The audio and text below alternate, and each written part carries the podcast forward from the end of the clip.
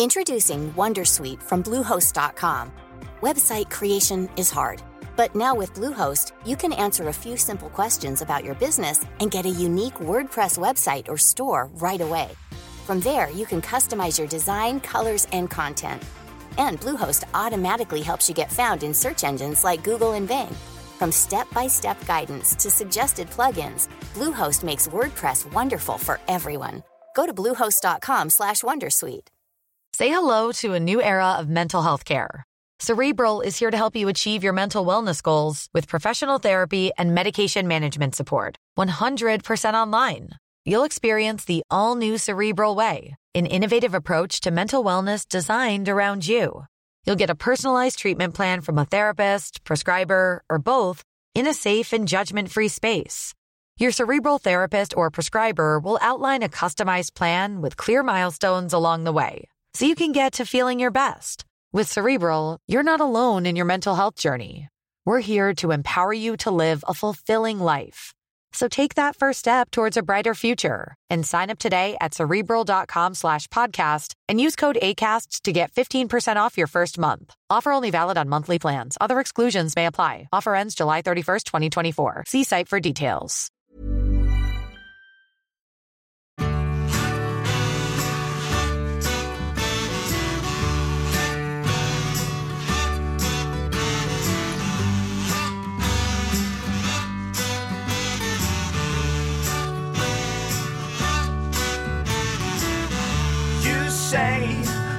Don't wanna talk about it.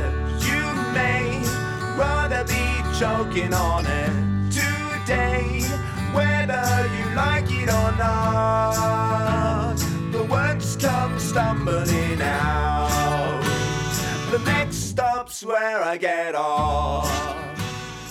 Hej och välkomna till det åttonde avsnittet av veckans samtal. Idag tillsammans med mig, Johan Alberg och sportjournalisten Johanna Frändén. För några dagar sedan så var jag nere i Paris och mötte upp Johanna och pratade lite och samtalet blev väldigt, väldigt härligt tycker jag.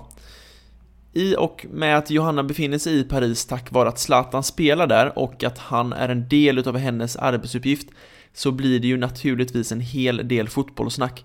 Men även mycket andra godbitar såsom Paris som stad, språk, sociala medier och näthat. Så ifrån en restaurang i centrala Paris, Johanna Frändén. The next stop's where I get off. Vi kanske ska berätta, vi sitter alltså i Paris på ett, eh, ja, vad är detta? Ett litet café eller restaurang? Precis. Så det här eh, Lumaré där vi sitter, som jag berättade för dig, är ju ett äh, jättetrevligt gammalt eh, judiskt eh, kvarter, eller i alla fall judiska inslag. Så det finns väldigt bra judisk falafel. Den får du inte missa. Eh, Är det sådana trucks på gatan eller? Ja, det är egentligen lite mer hål i väggen och eh, hela restauranger. Och de ligger i ett eh, litet kluster. Eh, de har liksom lite tävling sinsemellan vilka som är världens bästa falafel. Mhm. Och jag lovar att världens bästa falafel finns där. Malmö får ursäkta men den är, det är fantastiskt gott. Det känns som de, de här kvarteren är lite mer exklusiva, är de det? Ja, här, det här är ju, är ju fint. Liksom. Hela, hela innerst, nästan hela innerstan i Paris. Nej, jag ljuger. Men hela det som vi skulle kalla centrum är ju såklart exklusivt. Sen jag bor ju egentligen i innerstan, för man räknar det som ligger innanför ringleden då, eller ja, all- alla, alla arrondissemang helt enkelt, hör ju till innerstan. Och det området jag bor i är inte alls eh, fint. Det är, lite ruff, det är lite mer ruffigt och lite mer, eh, ja men ganska mycket invandrare och ganska mycket eh, arbetarklass och ganska multietniskt och mångfaldigt. Eh, och väldigt, jag trivs väldigt bra där men där, det har inget att göra med hur det ser ut här. Så det kan vara värt också en liten eh, promenix kanske. Exakt. Kan Mm. man liksom gå runt, alltså du kan ju absolut inte gå runt hela Paris, det förstår jag men kan man gå liksom enkelt till olika saker, Eiffeltornet och vad det nu är? Nej, det är lite för långt oftast. Alltså Eiffeltornet härifrån där vi sitter nu är ju dels är det på andra sidan floden och helt andra sidan stan. Så att det, vad skulle det ta att gå härifrån? Det skulle nog ta en, ett par timmar i alla fall. Det orkar du nog inte. Nej, då tar man nog eh, tunnelbanan på säga, men Ja. eh, metron. Vi var vid ett ställe som heter eh, Cinema igår, eller Sen- nej, Opera. Ja. Operan, det Mm. var fint där Mm. nere. Men det var också, det är ju också exklusivt område va? Ja, det är framförallt mitt i stan eh, och väldigt mycket kontor. Det precis, där sitter jag, det, ganska nära där sitter jag och jobbar på dagarna. Min redaktion ligger där också. Så där är det mycket kontor och ganska mycket kommers och eh, ja, det är ju centrum, centrum verkligen. Sen åkte vi förbi också någon eh, fotbollsarena som inte var Parc des Princes utan det var något annat. Stade de France kanske? Det kanske det var. Mm. Eh, som Lill skulle, skulle spela tror jag. jag. Ja, alltså, På väg ut mot eh, flygplatsen. ja precis. Alltså det som, det som de har gjort där nu är på slutet att eh, PSGs bortamatcher i, precis, i norra Frankrike, alltså Lens i alla fall, de la, de la den matchen där helt enkelt för att eh, Lens förstod väl att de skulle kunna dra in eh, ganska mycket intäkter på matchen. Deras arena tog inte in, tar inte in så mycket folk. Så då flyttar de den, inte till PSGs hemmaarena men ändå till en, en eh, stor arena i, i Paris. kan hända att Lille ska göra samma sak. Det låter för lite konstigt för de har en nybyggd arena men eh, det är möjligt att de gör det för att Stade de France är större då, att de har, drar Ja. in mer pengar. Om det inte var rugby, för det spelar de där mycket. Nej men det var det, det var någon Nej. fotbolls... eh, Men det Det var låter ju det. konstigt. Eller det låter ju vettigt på ett sätt men lägga den precis utanför, eller i Paris.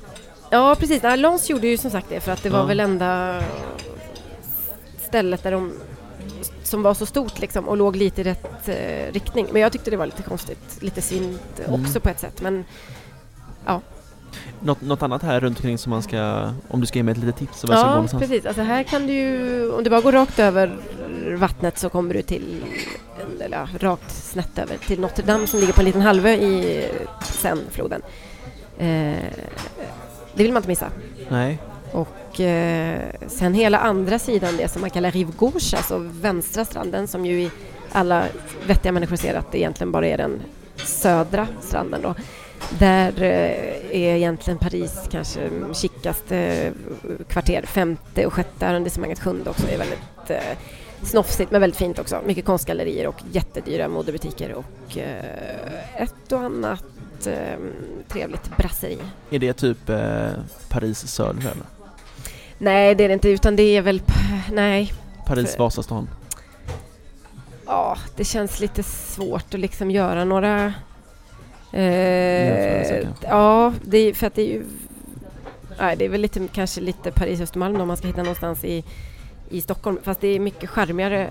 Eller jag menar, det är mycket... Det känns lite mer genuint här, men det är ju jätte, jättedyrt så att det är väl bara en illusion egentligen. Men något som slog mig när, eller när man är här och tunnelbanan så här, det är ju väldigt smutsigt, alltså det är väldigt, väldigt fint. Väldigt fint, men det är väldigt smutsigt. Det är mycket skit, alltså det är skit överallt. Ja, kanske det. Jag kanske Eller blir du, blind. du jag Nej. tror du har blivit, eller Ja. kanske, eller tunnelbanan i alla fall. Ja, det, ja nej, det kan man ju säga. att, eh, Mm. Tunnelbanan är väldigt skitig. Ja, om man jämför med Stockholm då, så Mm. man kanske eh, man kanske klagar på ibland men så kommer man hit och så känner man liksom att ja, Ja. man kanske inte ska klaga så mycket. Nej, nej, men så är det ju. Men annars, fantastiskt stadion. Det är ju det, men precis. Men det finns ju... Eh... Nej, det är sant. Det är, det är ganska skitigt. Det är inte världens mest... Det är inte världens enklaste stad i alla lägen att ta sig, ta sig fram och... Eh... Ja, nej. Jag delar din analys. Vart går man ut om man går här? Det är ju alltså, det är så stort Paris att det är, Jag går ganska ofta ut faktiskt i mitt område, eller mitt kvarter där jag bor. Jag har några barer där jag brukar hänga ganska ofta. Eh, vill man gå ut på klubb lite mer så är det runt eh, Champs-Élysées finns det massa eh, klubbar om man är liksom intresserad av lite mer eh, Stureplan kanske man ska säga, men lite mainstream-ställen men också några lite snofsigare. Eh, sen så finns det ju runt i 18 där så Montmartre och ner mot stan finns det jättemånga charmiga ställen också. Ah, det, finns hur mycket, det finns hur mycket som helst. Jag har inte upptäckt eh, hälften, hoppas jag verkligen inte jag upptäckt den. Då måste du ha legat i. ja, exakt. Ja, inte en, en tiondel då kanske vi ska säga. Ja, exakt. Igår var du på, på Paris-Marseille. Hur var det? Eh, men det var kul tyckte jag. Det var egentligen första gången som det kändes på förhand att det skulle bli match. Sen jag började bevaka klassikot då, som det ju faktiskt heter här också. Eh, eftersom PSG har varit lite för överlägsna de andra åren. Men det var ju en, det var en bra match, jätte, jättebra match. Och eh, även om Marseille va, eller Paris vann så känns det som att det inte alls avgjort vem som vinner titeln i år. För att de gjorde så pass bra ifrån sig att det, att det börjar kännas som att det kan faktiskt bli spännande in på mållinjen i år. Det hade varit eh, välgörande tycker jag för ligan framförallt. Hur sent jobbar man på kvällen när man har en sån match och bevakar den? Alltså vi- jätte, jättesent blev det igår då eftersom eh, vi stod och väntade väldigt länge på att Zlatan skulle komma ut i mixade zonen då som vi kallar intervjuzonen efter matchen. Eh, Och det kom några spelare men det tog ett tag. De ska duscha och lite sådär först. Så kom några Marseille-spelare och några från PSG och så fick vi veta att Zlatan och eh, Aurier, den eh, ny, nyförvärvet igår, var på väg. Och vi väntade och väntade och väntade och till slut när klockan var halv ett och då hade vi stått där i nästan två timmar så kom eh, de här pressmänniskorna ut och sa att nej, de har åkt hem. Så det blev, och då fick jag sätta mig och skriva ihop en text direkt i taxin hem eh, och nästa text när jag kom hem och då var klockan halv två när jag lämnade så att det var för att det skulle hinna komma med i tidningen då. Och efter det var det dags att sätta sig med ett tyck som vi kallar det då, en krönika. Okej. Så klockan tre ungefär kom jag i säng. Oj. Men blir man arg då som eh, journalist då? När de inte kommer ut eller Zlatan inte kommer ut? Nej, alltså jag, det händer ju att de inte gör det. Utan jag blev lite arg på att, man, att de, inte, de hade kunnat meddela det mycket tidigare för då hade jag vunnit en timmas tid och då hade min krönika hunnit få plats i tidningen. Men nu fick, nu fick den stryka på foten för att vi trodde att vi skulle få citat då från Zlatan och det kändes väl lite onödigt. Så att, eh, ja, blir man arg. Man är ganska van kan jag säga. Vänta är en väldigt stor del av det här jobbet. Det hade man inte pejl på innan men det är jävligt ofta man, Mm, får, jag man bara står och väntar på folk. Ja. Eh, och jag eh, högg ju några av de andra PSG-spelarna och pratade lite med dem så det var ju inte helt i onödan ändå. Blir du nervös när du står och intervjuar typ spelare som Cavani eller som David Luiz? De är nog så extremt stora, i alla fall för mig som älskar fotboll.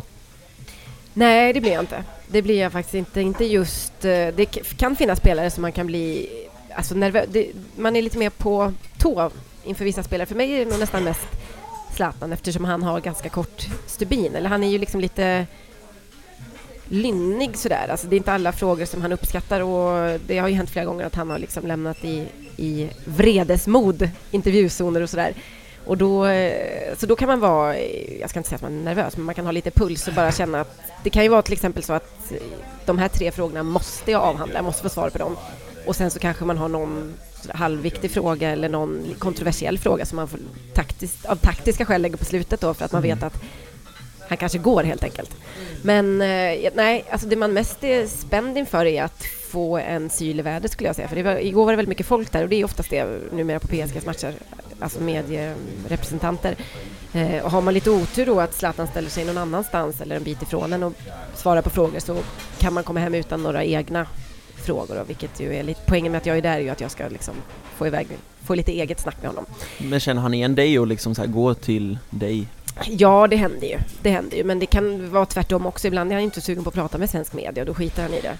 Eh, ja, i, under bra perioder så skulle jag säga att han gör det, men det handlar mycket, man får ju ropa på honom liksom också. Och så brukar jag ställa några frågor på svenska, för att jag, det är därför jag är där. Sen brukar jag faktiskt gå över till engelska, som man får prata med honom i Paris då. Så att inte resten av journalisterna ska lacka ur. Hur nära står du de andra journalisterna då? Alltså är ni kompisar och hänger utanför eh, matchen också eller? Ja, absolut. Jag har ganska mycket uh, umgänge med flera av dem faktiskt utanför eh, jobbet.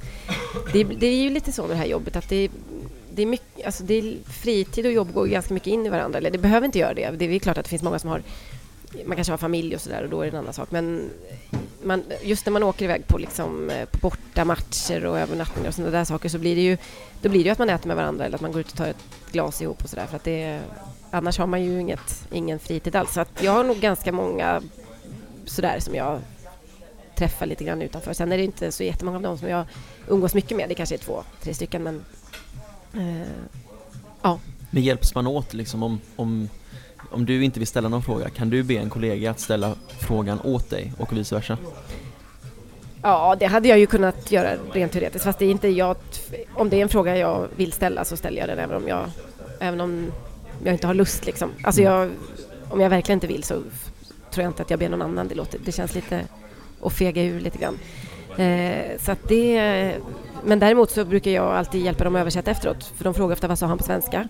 Eller det kan vara så att han kanske stannade vid fransk TV där jag inte får, Det är ju lite indelat då att man... Jag tillhör press, radio de brukar få hänga ihop.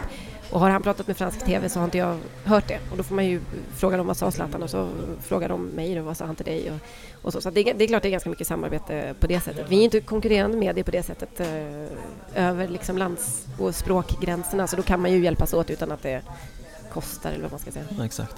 Hur, är- hur är journalistlivet här nere i Paris eller hur skiljer sig från typ Sverige eller Spanien som du också varit i?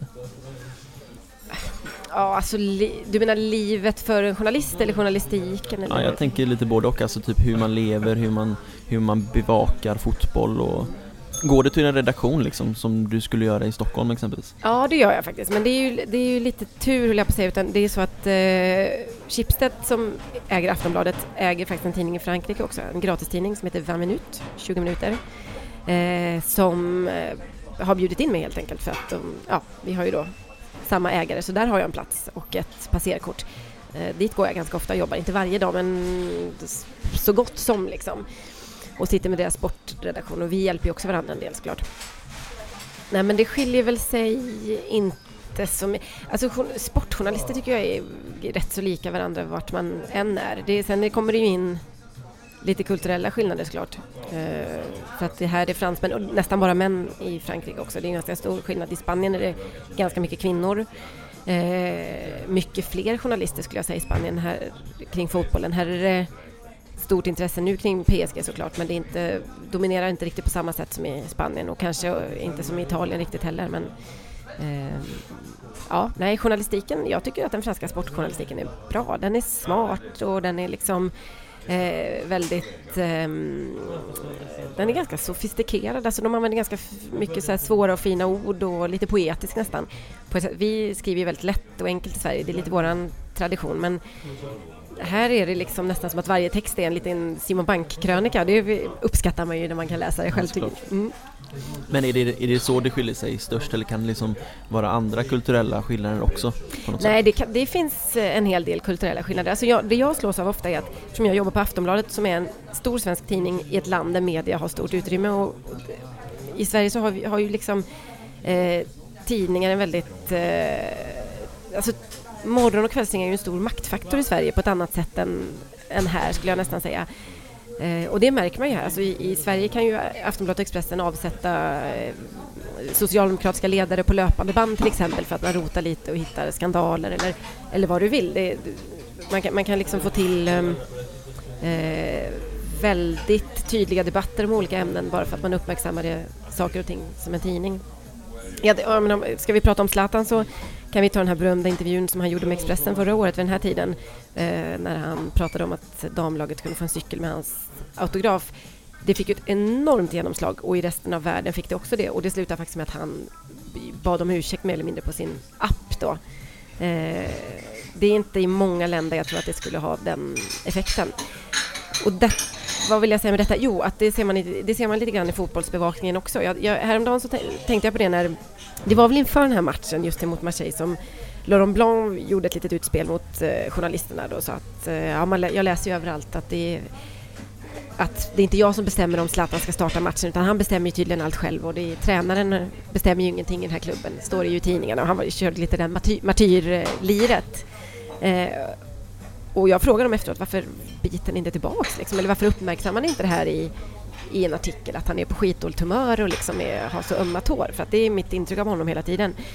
Och då sa en, en kollega till mig att vi, det borde vi kanske göra men vi har inte riktigt den kulturen. Liksom, utan det hade vi direkt gjort i Sverige. Då hade man gjort ja, en grej på, på att eh, Erik Hamén surade på presskonferensen eller vem du vill. Liksom. Men, det hade inte gått att dölja men här uppmärksammar man inte riktigt det på samma sätt. utan Eh, kanske att man lite mer går, jag ska inte säga att man går klubbarnas ärenden, men man, man drar sig lite mer för att uppmärksamma eller göra skandaler av saker som vi hade tyckt i, i svensk media hade varit naturligt att, att prata om.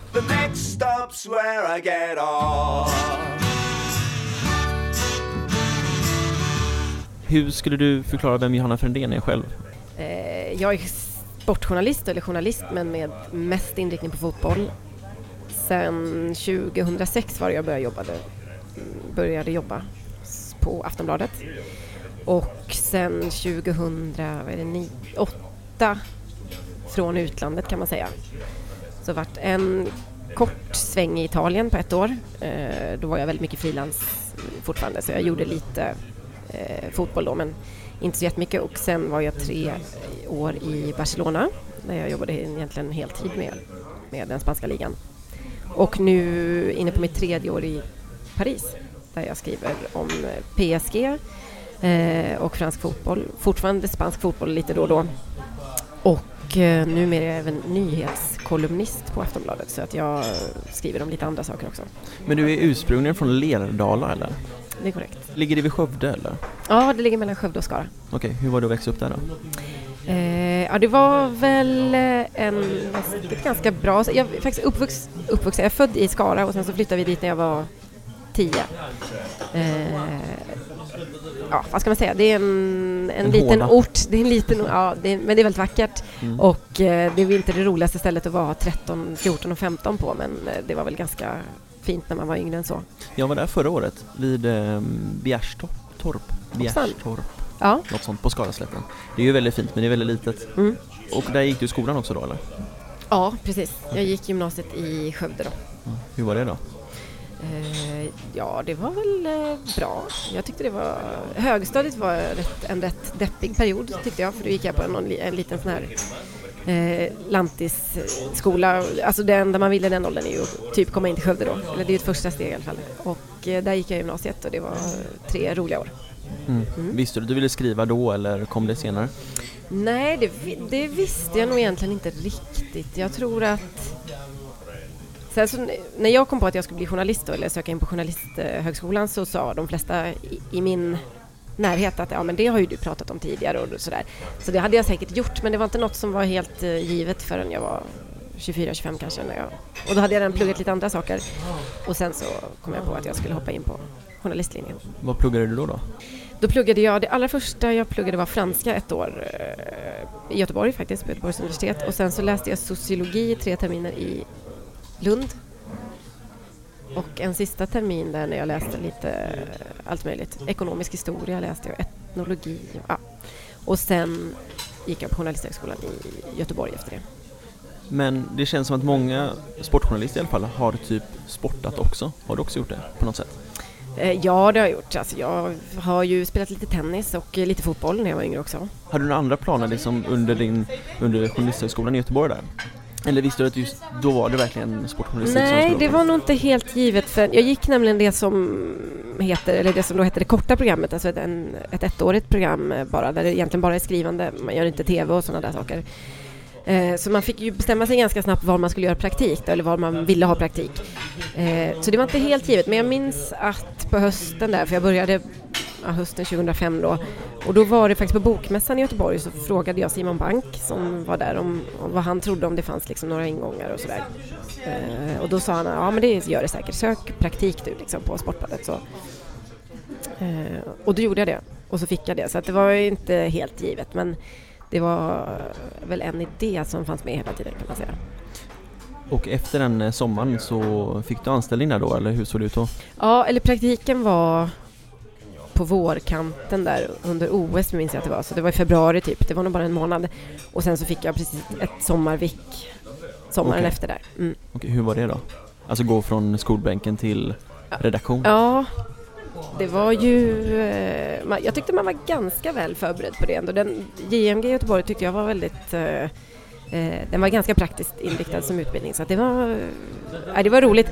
Sen kan jag ibland känna sådär att det steg, nu föll ju väl ut men steget från eh, skolbänken som du säger och eh, Sveriges största liksom, sportredaktion är, var kanske lite väl stort. Det var mycket sådär att man förväntades ha ett nätverk och väldigt mycket bra källor och sådär på en gång och det har man inte när man är 25 och liksom kommer från JMG så att jag var inte så jävla kaxig i början där liksom. Jag satt ganska mycket på desken och åkte inte ut på så mycket saker och sådär men sen så ja, vet, pö om pö så får man lite självförtroende och lyckas eh, kanske hitta någon nyhet eller komma med något bra och sådär. Så att, eh, men det var väl inte, jag var inte någon stjärna alls på, på den tiden. Hur mycket jobbar man när man är ny på redaktion? Sitter man liksom från morgon till sen kväll eller hur ser det ut? Ja, alltså då gick jag på skiftschema så att då jobbar man det är en ganska, ett ganska bra schema. Alltså man jobbar fem dagar, ledig fem, jobbar fyra, ledig fyra, typ så. Eh, från, hur var det nu, man börjar på efter, tidig eftermiddag, ett, två någonting och så jobbar man till typ kanske, nej så man kanske jobb, börjar tre på eftermiddagen och jobbar till ett på natten, något sånt skulle jag säga. Okej, det är nu ganska långa pass då ju. Det är ganska långa pass, men det då är det ju bara eh, fem dagar i stöten och sen så är man ledig lika mycket. Så att, och då går man lite grann in i gruvan, det är ju tanken liksom att man jobbar jättemycket under de dagarna då. Vad lär man sig under de första månaderna på redaktion? Ja, vad lär man sig? Man lär sig att skriva rappt och roligt. Eh, och man lär sig att ringa ett samtal till. Eh, det måste man, den, den inställningen måste man underhålla kan jag säga genom åren för det är väldigt lätt att falla in i det där att ah, det här, det här duger nog. Men eh, det, det får man ju göra där. Det, det, var också så, det här var 2006 och då var det faktiskt högkonjunktur i, ja, i Sverige, eller svensk media i alla fall. Så att det var liksom, vi var väldigt många sommarvikarier. Marcus Leifby och jag var samtidigt för övrigt. Eh, Hans Abrahamsson även av eh, som är hockeyreporter nu på... Så vi var flera stycken som, som har faktiskt blivit kvar eh, efteråt. Men det var ju väldigt hård konkurrens. Man visste att det kom någon öppning på hösten sen, men det var ganska hård, man visste att det skulle vara hård konkurrens så det var liksom inte läge att du vet, bara sitta ner och vänta på att det skulle hända grejer utan man fick... Eh, ja, det var lite tävling. Så var det. Jag kan ju tänka mig att man känner sig ganska, alltså som journalist, eller i alla fall som grävande journalist, när man ska ringa runt. Är det mycket tjat på folk att man vill ha fram källor och ha fram liksom, information om vissa saker? Eller hur är det? För det är min författade mening i alla fall. Du menar om, eh, om man måste tjata mycket eller nej, om jag, det är tjat från nej, högre kan, ort? Jag kan bara relatera till mig själv när jag vill boka gäst till exempel. Mm.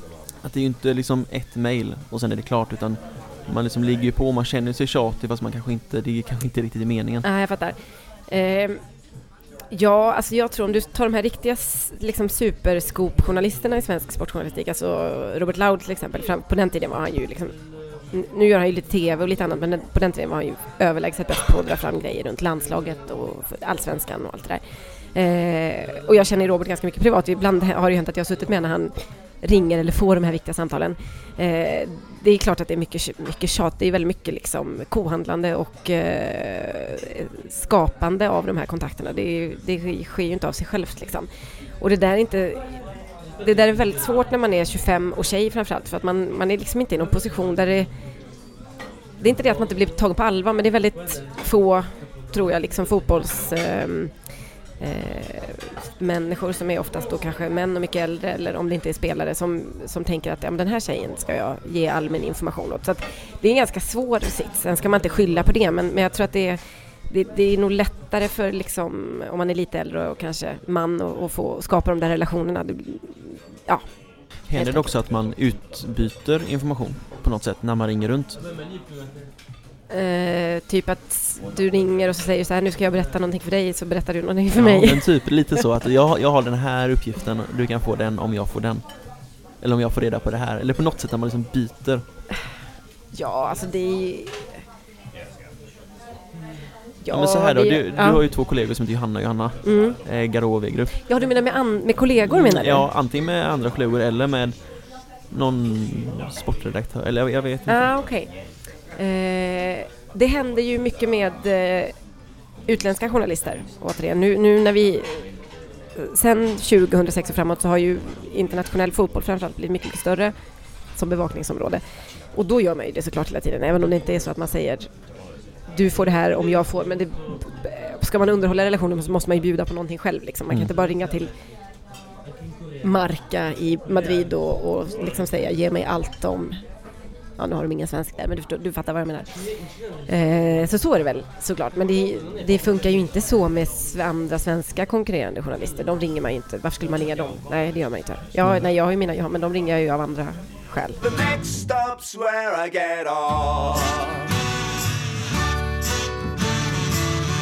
Jag har hört en historia om att du, när Zlatan spelade i Barcelona, eller skulle gå till Barcelona, att Aftonbladet ville ha en reporter där. Mm. Och de frågade dig om du kunde spanska. Och du inte kunde det, men du sa ja ändå för att du ville åka ner.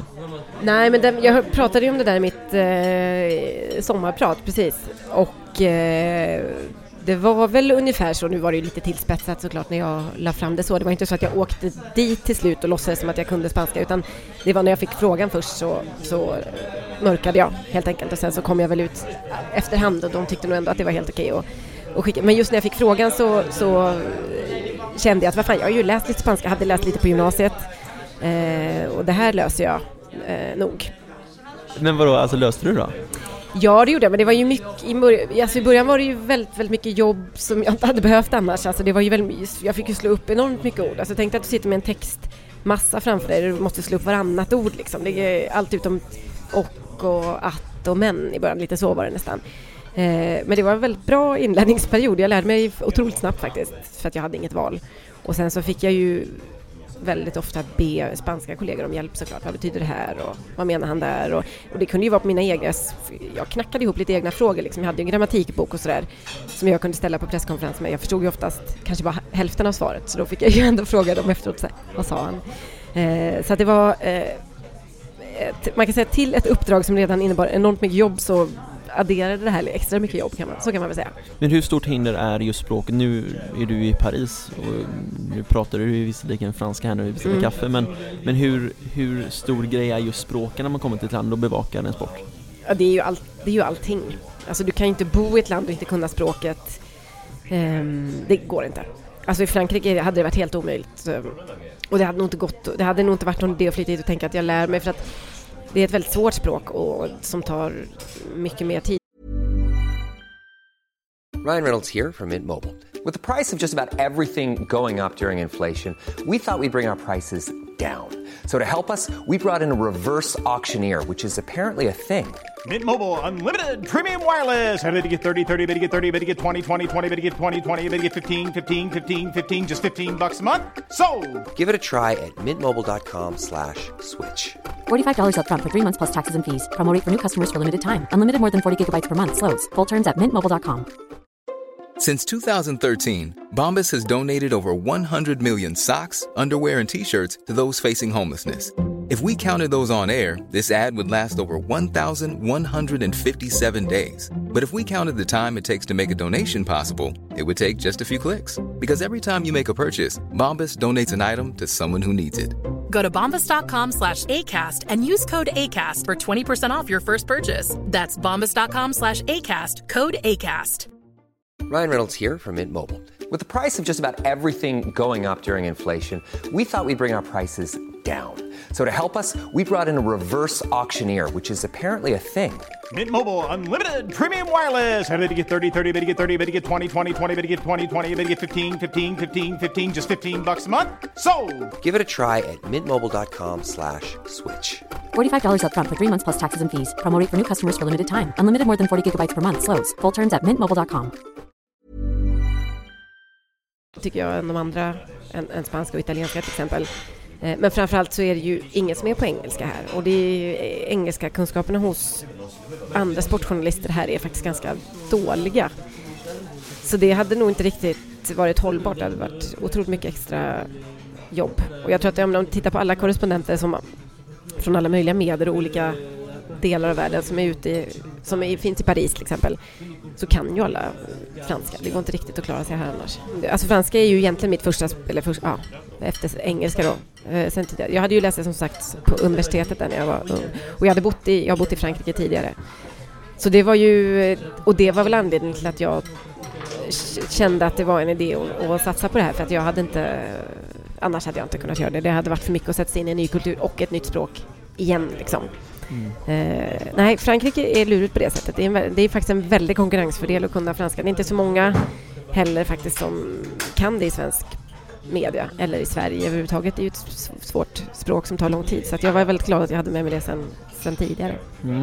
Nej, det, ja, det förstår jag verkligen. Det, jag kan ju bara relatera till mig själv när jag går runt här i Paris. Alltså, man fattar ju ingenting. Nej. Eller jag fattar ju ingenting. Nej, Nej men det är så. så. Så har man sitt en lexikon och så slår man upp men de uttalar det ju helt bedrövligt ju. Mm. Och då kan jag bara tänka mig om man ska jobba med det. Mm. Det kan ju vara, ja, jag fattar ingenting. Mm. Nej, men det, nej, det, det, går inte. Det skulle jag säga. Det går inte att jobba i Paris och jobba kring PSG och inte kunna franska. Nu, spel, nu pratar alla spelare franska dessutom. Så var det inte alls när jag kom utan då, då var det ganska få. Men nu har de ju satt in en rejäl eh, satsning där så att eh, igår var det väl Igår var det den sista som jag inte hade hört tidigare som pratade franska. Vem var det nu? Ja, det var Marco Verratti, Lukas. Ja, de har blivit väldigt bra allihopa så att eh, det är ingen idé att Eh, det, går, det går inte att fuska. Nej, Zlatan är väl den enda som inte riktigt... Eh, ja, han pratar inte? Han pratar lite grann. Men jag har inte hört honom göra en hel intervju ännu på franska. Nej, jag såg någon, någon litet segment där han försökte prata. Ja, ja men han, kan, han kan ju ganska bra liksom. Men han brukar inte riktigt eh, bekymra sig om att lägga så mycket tid på det kanske. Men kan man säga att du är här tack vare, eller på grund av Zlatan? Eh, ja, det kan man väl säga det tycker jag. Hur, hur är det att följa honom så nära då? För att han är ju det största vi har haft någonsin. Alltså det är ju, för mig är det väldigt mycket vardag, för nu har jag gjort det ganska under rätt lång tid, lite till och från.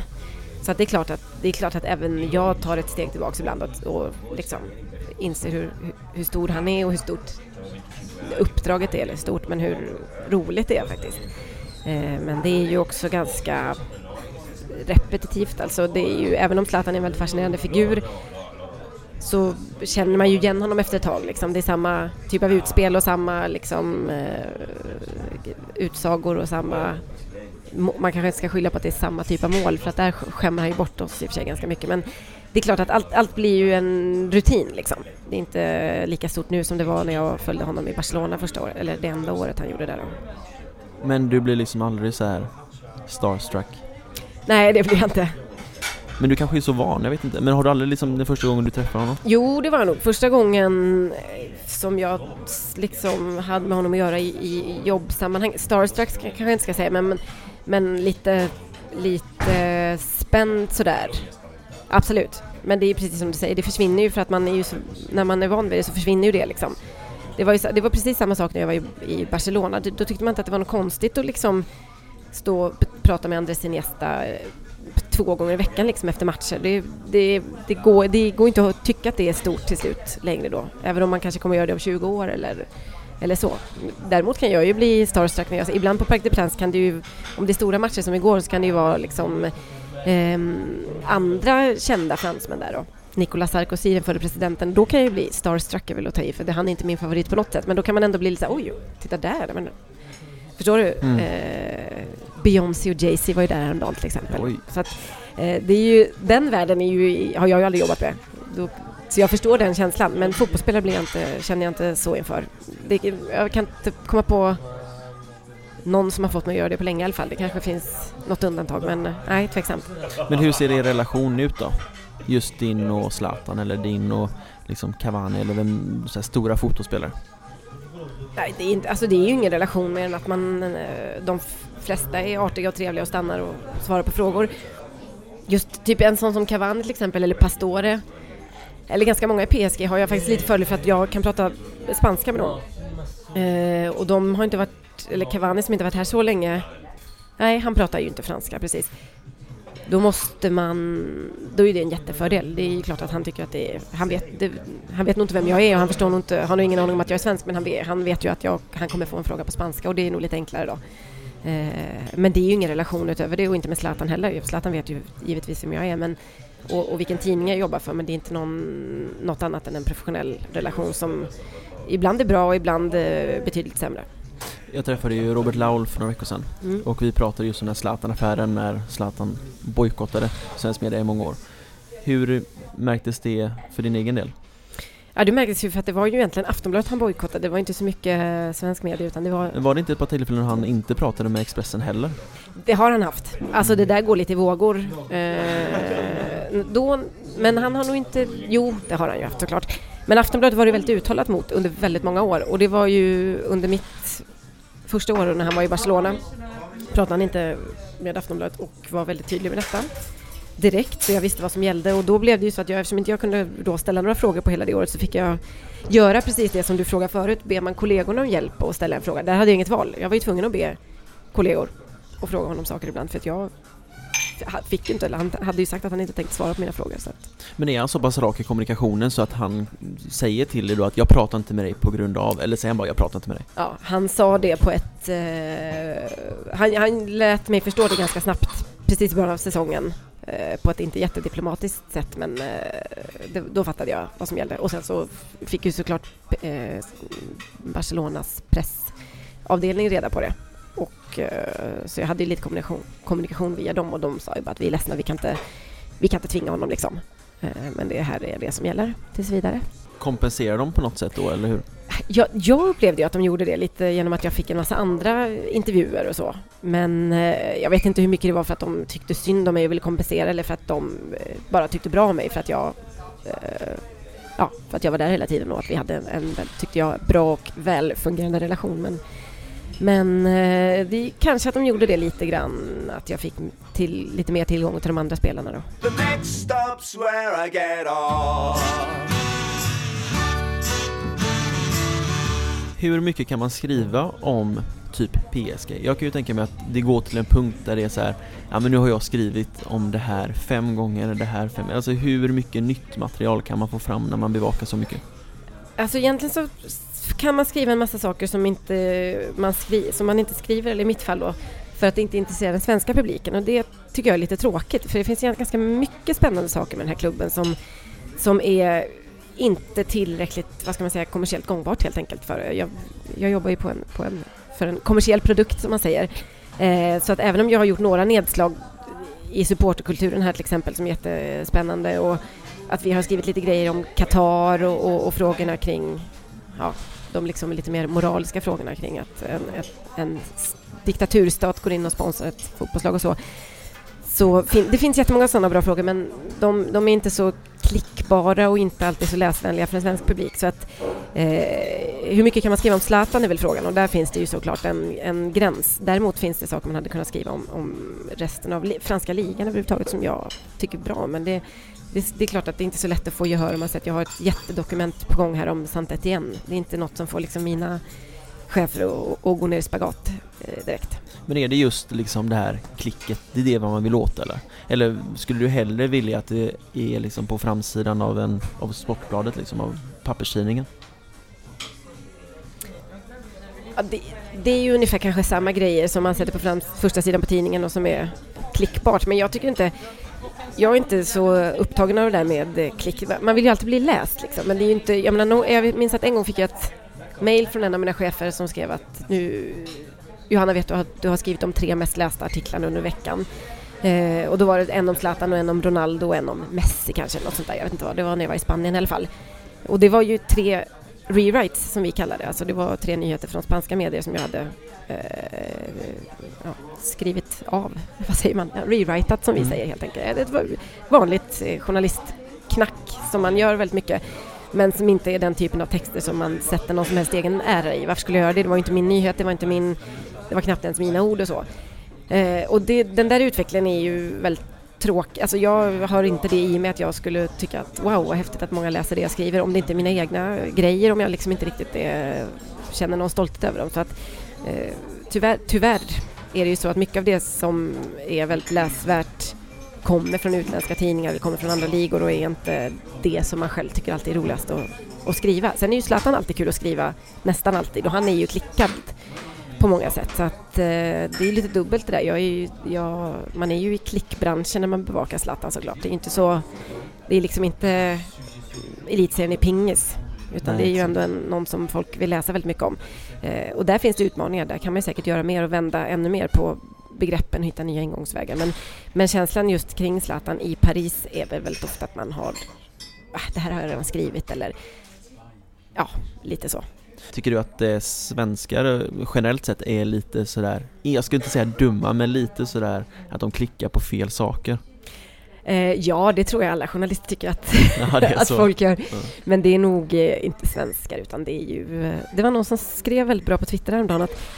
Eh, vad var det här nu? Jo, om man skulle... Om man bara skulle ha det som klickas mycket i svenska tidningar, det är lite som att en en, en sexåring skulle få bestämma vad man skulle äta hela veckan. Alltså det skulle bara bli godis liksom. Eh, och det, det är ju inte något eh, det är inte liksom, vad ska man säga, mänsklighetens finaste sida som kommer fram när man ser vad som klickas mest överhuvudtaget tror jag på internet eller vad man söker på för ord och sånt där.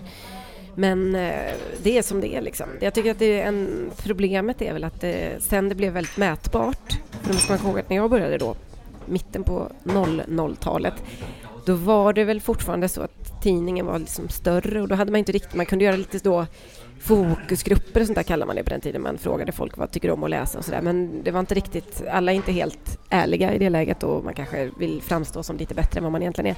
Sen klickmätningen ehm, har kommit in så är det mycket, mycket mer svart på vitt. Eh, och det är, är ju inte alltid så bra grejer, eller det är inte så liksom helhets bilden av det tycker inte jag är så uppmuntrande faktiskt. Men tror du att den kulturen kommer fortsätta? Just klickkulturen eller tror du det kommer utvecklas på något sätt? Ja, den, ja alltså i den bemärkelsen att eh, vi, allt kommer ju ske på internet mer och mer. Men kommer man fortsätta att klicka bara på, på liksom så här mm, glättiga och, och liksom sexiga ämnen? Ja, jag vet inte riktigt. Det, det finns ju, Aftonbladet lanserar ju mycket, ganska mycket ny så här, långläsning. Nu pratar jag inte just om sporten men eh, också vi faktiskt ibland på nätet som, som en ny generation kan ta till sig på ett annat sätt. Alltså det, unga, unga, unga svenskar ska jag säga, tycker inte att det är jobbigt att läsa en lång text på mobilen till exempel. Eh, vilket man fick eh, höra när, man själv, när jag började och, då och nätet var fortfarande lite up and coming, att man inte fick skriva långt på nätet var alltid då. Du får inte skriva för långt när det är till webben. Eh, så är det inte riktigt längre utan, utan eftersom inte liksom papperstidningen finns kvar för så många så har man lite längre tålamod tror jag även med nättexter. Klickjakten kommer att fortsätta. Det, det är ju så tidningar kommer att överleva i framtiden. Det kan vi inte göra så mycket åt. Det viktiga är inte att glömma bort det andra tror jag, det som eh, inte 300 000 människor läser men väl kanske 15 000. Det, det är viktigt också, det ger en tidning en identitet som, man inte får, som är väldigt viktig. Blir man bortskämd som sportjournalist när man är väldigt läst? Alltså med hur många som läser den? För jag kan ju bara tänka mig själv om man ser liksom att typ 300 000 har läst det jag har skrivit. Blir man så här, man blir lite besviken om det är bara 200 000 då? Ja, ja, alltså fast jag har inte tillgång till de siffrorna på det sättet. Det... Men du kan ändå se vad som är populärt och sådär? Om du, om du är jättenöjd med en text och så bara den här är jävligt bra ja. och så är det inte så, då ligger den inte på toppen där ändå så är det någonting som du bara har Nej, du tänker på den här mest lästa listan, ja just det. Ja, nej, det, jag, du ska, du, det är faktiskt kanske visar hur oupptagen jag är av det. Jag har inte ens riktigt uh, eh, gjort den reflektionen. Jag brukar inte alls gå in där och kolla. Däremot kan man ju se då är ju en sån sak som Twitter lite enklare att se om, om man eh, är väldigt läst eller uppskattad eller vad man ska säga. För att där blir det väldigt mätbart och synligt med retweets eller eh, kommentarer till exempel. Eh, det, det, är ju, det är ju det här med delningar som är grejen. Liksom. Kanske inte om man är mest läst utan är det någon som delar ens grejer mycket. Och där kan jag gå in ibland och titta på kolumner till exempel och, och krönikor då, som jag skriver, inte bara alltid om fotboll. Eh, så kan jag gå in ibland och kolla om de är, är mycket delade på Twitter, Facebook och sådär för att se lite ja, om man har slagit an en sträng eller inte. Men man får inte blanda ihop det med var det bra eller inte. Det är livsfarligt att göra det. Många av de grejerna man är mest nöjd med är inte alls så speciellt delade och det kan vara för att många läste det och kanske drog lite på mungipan och tyckte det här var trevligt och så kände man inte att man behövde dela med sig liksom med resten av världen utan det var det, det var det så att säga. Ja, exakt. Men du är ju väldigt aktiv på Twitter. Har du någon tanke med det eller är det bara att vara tillgänglig så att säga? Nej det har jag inte egentligen. Alltså jag, när jag började med det så var det ju, det var faktiskt inför VM 2010. Och då var Twitter rätt så nytt men då var det bara för att jag skulle kunna följa alltså nyhetsuppdatering. Jag hade fattat att det var ett bra sätt.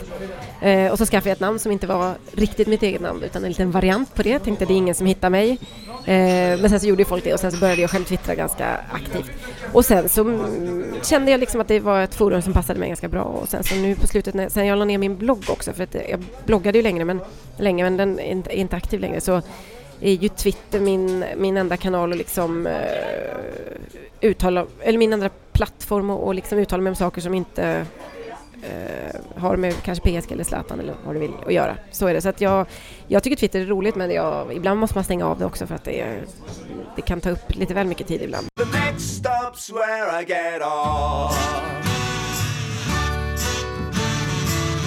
Vad är det svåraste med att vara sportjournalist? Det svåraste är nog lite det vi varit inne på, förnya sig själv eller komma på nya, inte liksom fastna i gamla hjulspår. Och det där tänker jag på ibland för att man blir lite, man blir ganska blind sådär för någon för det man håller på med mycket. Ibland känns det som att det hade varit bra om någon hade åkt ner och vikarierat och gjort, tagit över Zlatan i en månad. Liksom. Det kanske hade blivit massor med nya infallsvinklar som inte jag tänker på. Så att det är det svåraste just i min eh, situation då, som den är. Annars är det, alltså det svåra är ju det är praktiska grejer. Man ska hålla sig ajour med saker och ting. Man ska helst se väldigt mycket fotboll och eh, inte liksom missa för mycket. Och det där, där är tror jag alla, eller vet jag inte förresten om alla tampas med, men jag gör det lite grann för att jag gillar att, jag drar gärna iväg på helgerna till exempel om inte jag jobbar eller eh, går ut på lördag kväll istället för att kolla på fotboll hemma. Liksom sådär. Men eh, det gäller att göra en, öv, en avvägning där så att man eh, hänger med någorlunda. Men nu om då, ja, vad blir det, ja, nästan två år så går ju Zlatans kontrakt ut och han kommer förmodligen sluta då med EM i Frankrike 2016. Vad är dina planer då? Eller har du några sådana planer eller kör du på liksom tills hans kontrakt går ut och så får eh, du se? Ja, det gör jag väl kanske. Det vet jag faktiskt inte riktigt hur, hur det blir Jag kör ju på det här, egentligen förlänger jag bara en säsong åt gången kan man säga med min, med min arbetsgivare som är Aftonbladet för jag har ju ett frilanskontrakt med dem.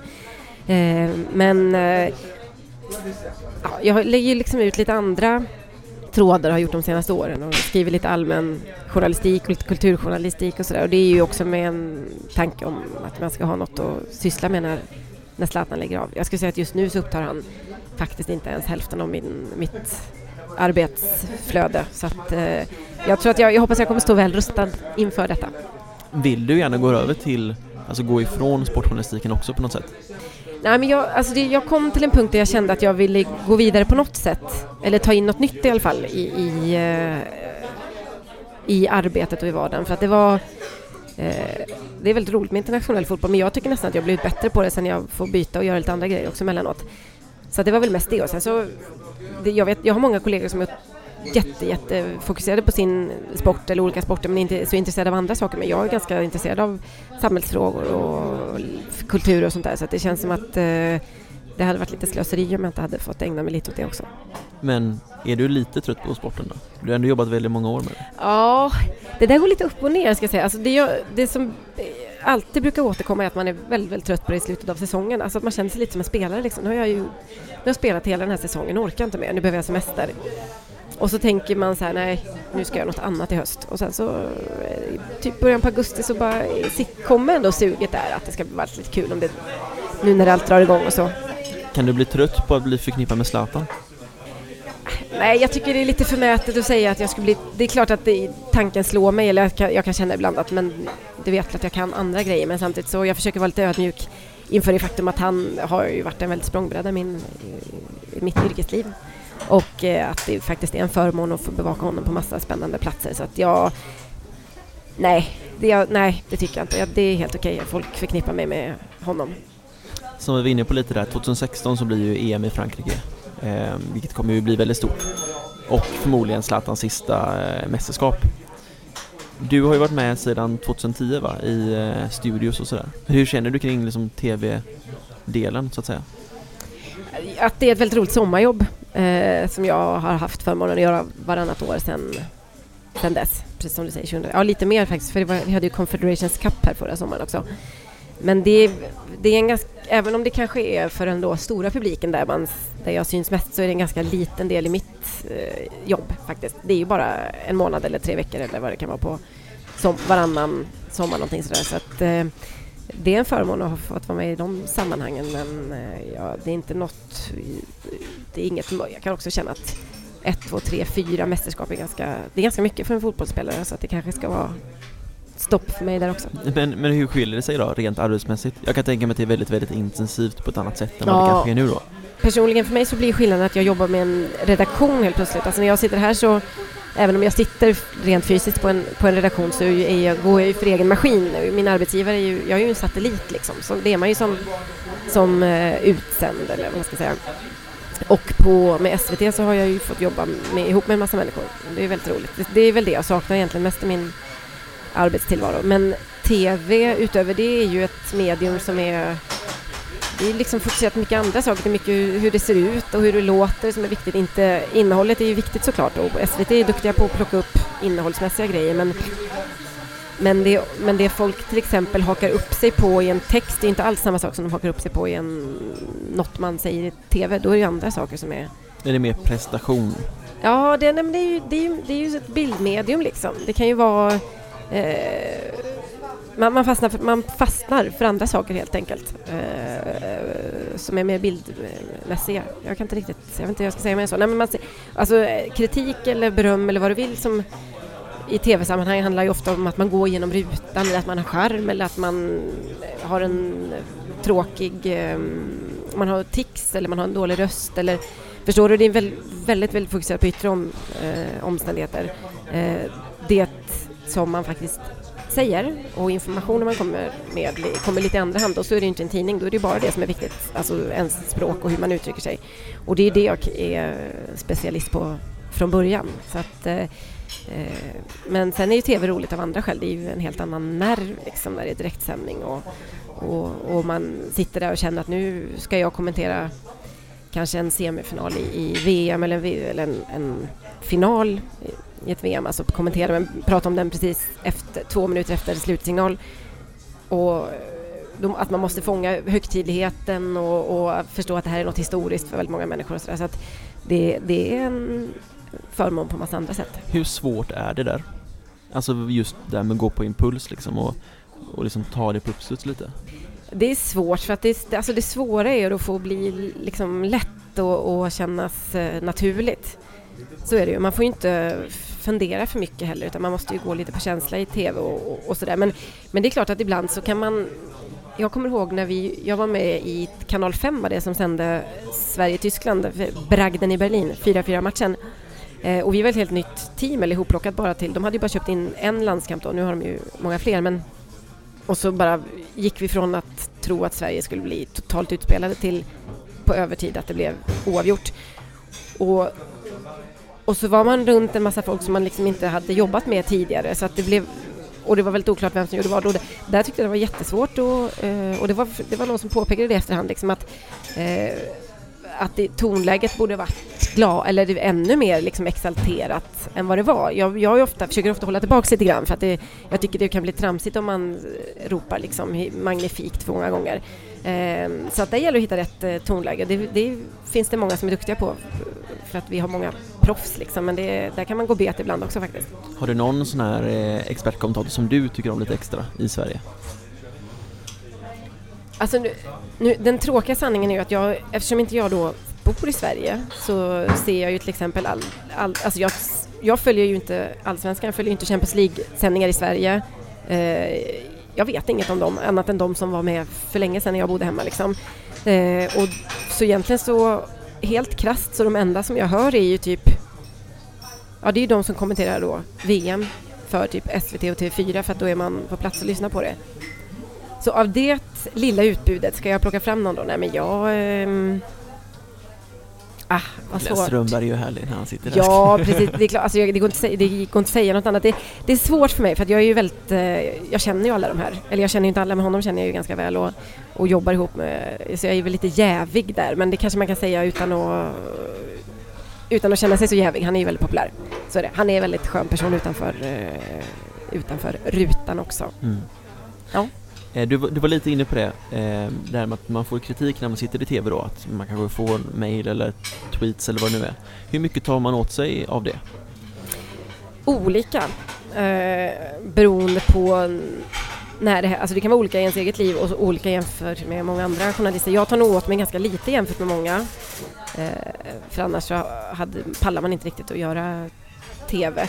Sen får jag faktiskt väldigt lite kritik eh, jämfört med många andra. Alltså jag fick mycket, mycket mer i början men jag känner att nu är jag så pass etablerad och har förvånansvärt få eh, riktigt tunga kritiker. Det är klart att jag har men de hör inte av sig i alla fall på samma sätt. Så det, alltså i somras var det jättelite och eh, EM 2012 var det väldigt lite också. VM 2010 var det mer, då var jag helt ny och jag var väl inte så, jag var inte lika bra då heller liksom, så det kanske var lite Eh, så att det får man. Sen så kritiken, alltså, hat är ju något annat då. Får jag faktiskt inte så mycket heller, tack och lov. Och det kanske är också för att jag syns eh, väldigt mycket under, under en period men inte återkommande varje vecka och sådär som många av mina kollegor gör. Men vissa tar åt sig väldigt mycket och det är bekymmersamt för att vissa, jag känner ju flera tjejer som slutar liksom med TV efter ett tag för att de inte riktigt pallar trycket. Och sen finns det andra som Anna Brolin till exempel som är en god vän till mig som är som en gås. Liksom. Det bara rinner av henne. Hon har ett helt fantastiskt sätt att hantera det som jag önskar att alla hade. Och jag är nog någonstans mitt emellan, men jag är kanske lite mer åt det hållet. Alltså jag eh, tar inte åt mig så mycket. Nej, jag, faktiskt, jag tar inte åt mig så mycket. Det är bra. Det ska man nog inte göra tror jag. Nej, alltså kritik kan man ju ta åt sig. Framförallt om man får då för, om man får kritik för ett faktafel ska man ta åt sig och det ska man rätta till direkt för att det får man inte komma med. Sen händer ju det nu när man gör 300 timmar direktsänd TV på en sommar. Liksom, att det är klart att man kommer säga fel någon gång. Men det ska man ta åt sig av. Eh, och det är klart att om, om väldigt många stör sig på att man använder ett visst ord eller att man vet någonting man gör så kan man kanske tänka på det lite också. Men man ska liksom inte ta, av, ta åt sig av skitsaker eller... Eh, nej, det tycker jag inte. Nej. nej. Är det någonting du skulle vilja göra mer utav? Nej, alltså jag, nu, nu fick jag ju i somras fick man ju då gå på sitt livs första VM-final. Det var jag väldigt glad över. Det var liksom, då kände jag att nu har jag inte så mycket kvar att begära av det här yrket. Eh, jag har inte jobbat på någon Champions League-final än. Det hade väl varit lite kul. Kanske. Men eh, eh jag, jag, får väl, jag, alltså jag är så privilegierad. Jag har liksom inget som... Eh, hade jag haft något sådär mål som hade hägrat så hade jag nog tjatat hål i huvudet mina chefer att jag skulle få göra det. Men jag, jag har inte riktigt det utan jag gör nog det som jag har liksom drömde om på något sätt. Eh, där är jag någonstans nu så att jag... Eh, nej, just nu är jag väldigt nöjd. Är det någonting som jag inte har tagit upp med dig som du trodde att jag ville prata med dig om? Nej, vad har vi? Vi har näthat, vi har snackat Zlatan, vi har pratat PSG, vi har pratat journalistik och klick, TV mot tidning. Nej, men jag tror att vi har ringat in nästan allting. Johanna, jag får tacka så jättemycket för att du tog dig tid till mig här i Paris. Jaha, tack så får själv. jag släppa ut dig i det härliga höstvädret.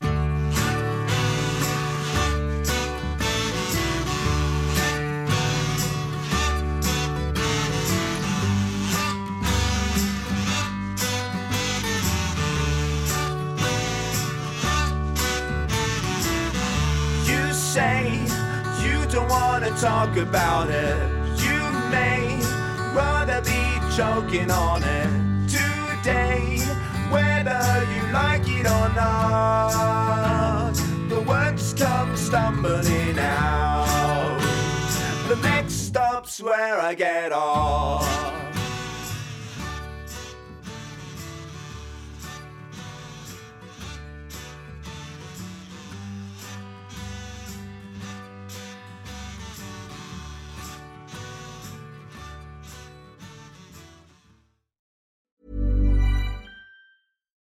Botox Cosmetic, out of botulinum toxin A, FDA approved for over 20 years. So, talk to your specialist to see if Botox Cosmetic is right for you. For full prescribing information, including boxed warning, visit BotoxCosmetic.com or call 877-351-0300. Remember to ask for Botox Cosmetic by name. To see for yourself and learn more, visit BotoxCosmetic.com. That's BotoxCosmetic.com. Everybody in your crew identifies as either Big Mac Burger, McNuggets, or McCrispy Sandwich. But you're the filet fish Sandwich all day. That crispy fish, that savory tartar sauce, that melty cheese, that pillowy bun. Yeah, you get it. Every time. And if you love the filet of fish, right now you can catch two of the classics you love for just $6. Limited time only. Price and participation may vary. Cannot be combined with any other offer. Single item at regular price. Ba-da-ba-ba-ba.